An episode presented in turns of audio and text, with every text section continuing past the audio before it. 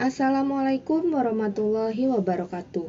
Halo semua, kembali lagi bersama podcast History bersama saya Midinar Sagita Putri. Kali ini podcast History akan membawakan segmen kisah keluarga pahlawan revolusi. Segmen kali ini akan membahas kisah dari keluarga Jenderal DI Panjaitan. Baik, tanpa berlama-lama, langsung saja kita masuk ke pembahasannya. Jenderal D.I. Panjaitan adalah salah satu pahlawan revolusi yang gugur dalam peristiwa G30 SPKI. Beliau merupakan anak kedua dari pasangan Bapak Raja Herman Panjaitan dan Ibu Dina Buru Napitupulu. Beliau lahir di Bali G, Sumatera Utara 9 Juni 1925 dan wafat di Jakarta 1 Oktober 1965 di usia 40 tahun. Beliau memiliki seorang istri bernama Ibu Merike Boru Tambunan dan dari pernikahan beliau berdua dikaruniai enam orang anak.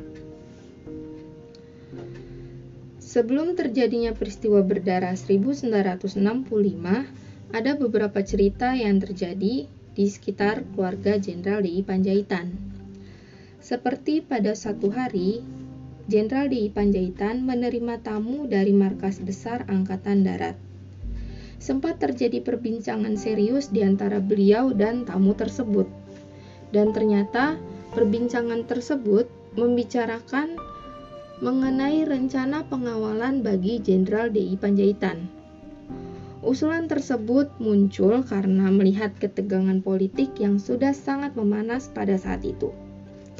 Ternyata rencana pengawalan tersebut tidak hanya diberikan kepada beliau saja, namun juga kepada para pejabat teras di lingkungan markas besar Angkatan Darat.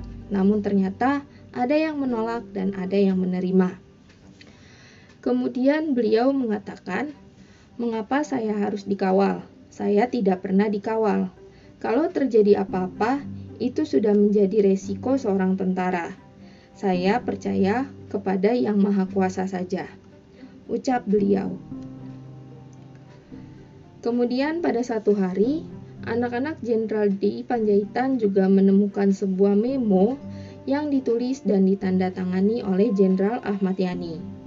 Memo tersebut bertuliskan, kita harus berhati-hati, kita harus tegas, tidak bisa dan tidak boleh dibentuk angkatan kelima yang dipersenjatai. Usulan ini tidak boleh dan tidak bisa diterima oleh Angkatan Darat.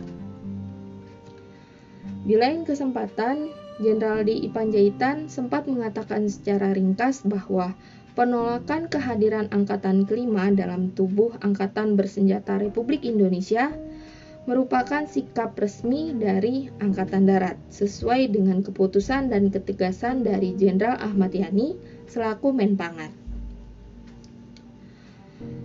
Lalu terdapat kisah di mana pada malam tragedi tersebut, salah satu putra beliau yaitu Bapak Salomo Panjaitan tengah belajar pelajaran sejarah. Bapak Di Panjaitan kemudian menghampiri sang putra dan meraih buku yang sedang dibaca oleh anaknya. Kemudian beliau membaca buku tersebut dengan sangat serius. Sang putra pun cukup terkejut dengan peristiwa tersebut dan meraih buku lain dari tasnya dan membaca buku tersebut di samping sang ayah. Kemudian menjelang tidur, Bapak Dei Panjaitan sempat mengelus-ngelus kepala putra beliau dan mengatakan, Sejarah menjadi penting bagi kamu dan kita sekeluarga. Kita harus membiasakan diri membaca buku sejarah dengan baik dan cermat. Demikian Bapak Dei Panjaitan memberikan petuah kepada sang putra. Demikianlah pembahasan segmen kisah keluarga pahlawan revolusi keluarga Jenderal di Panjaitan.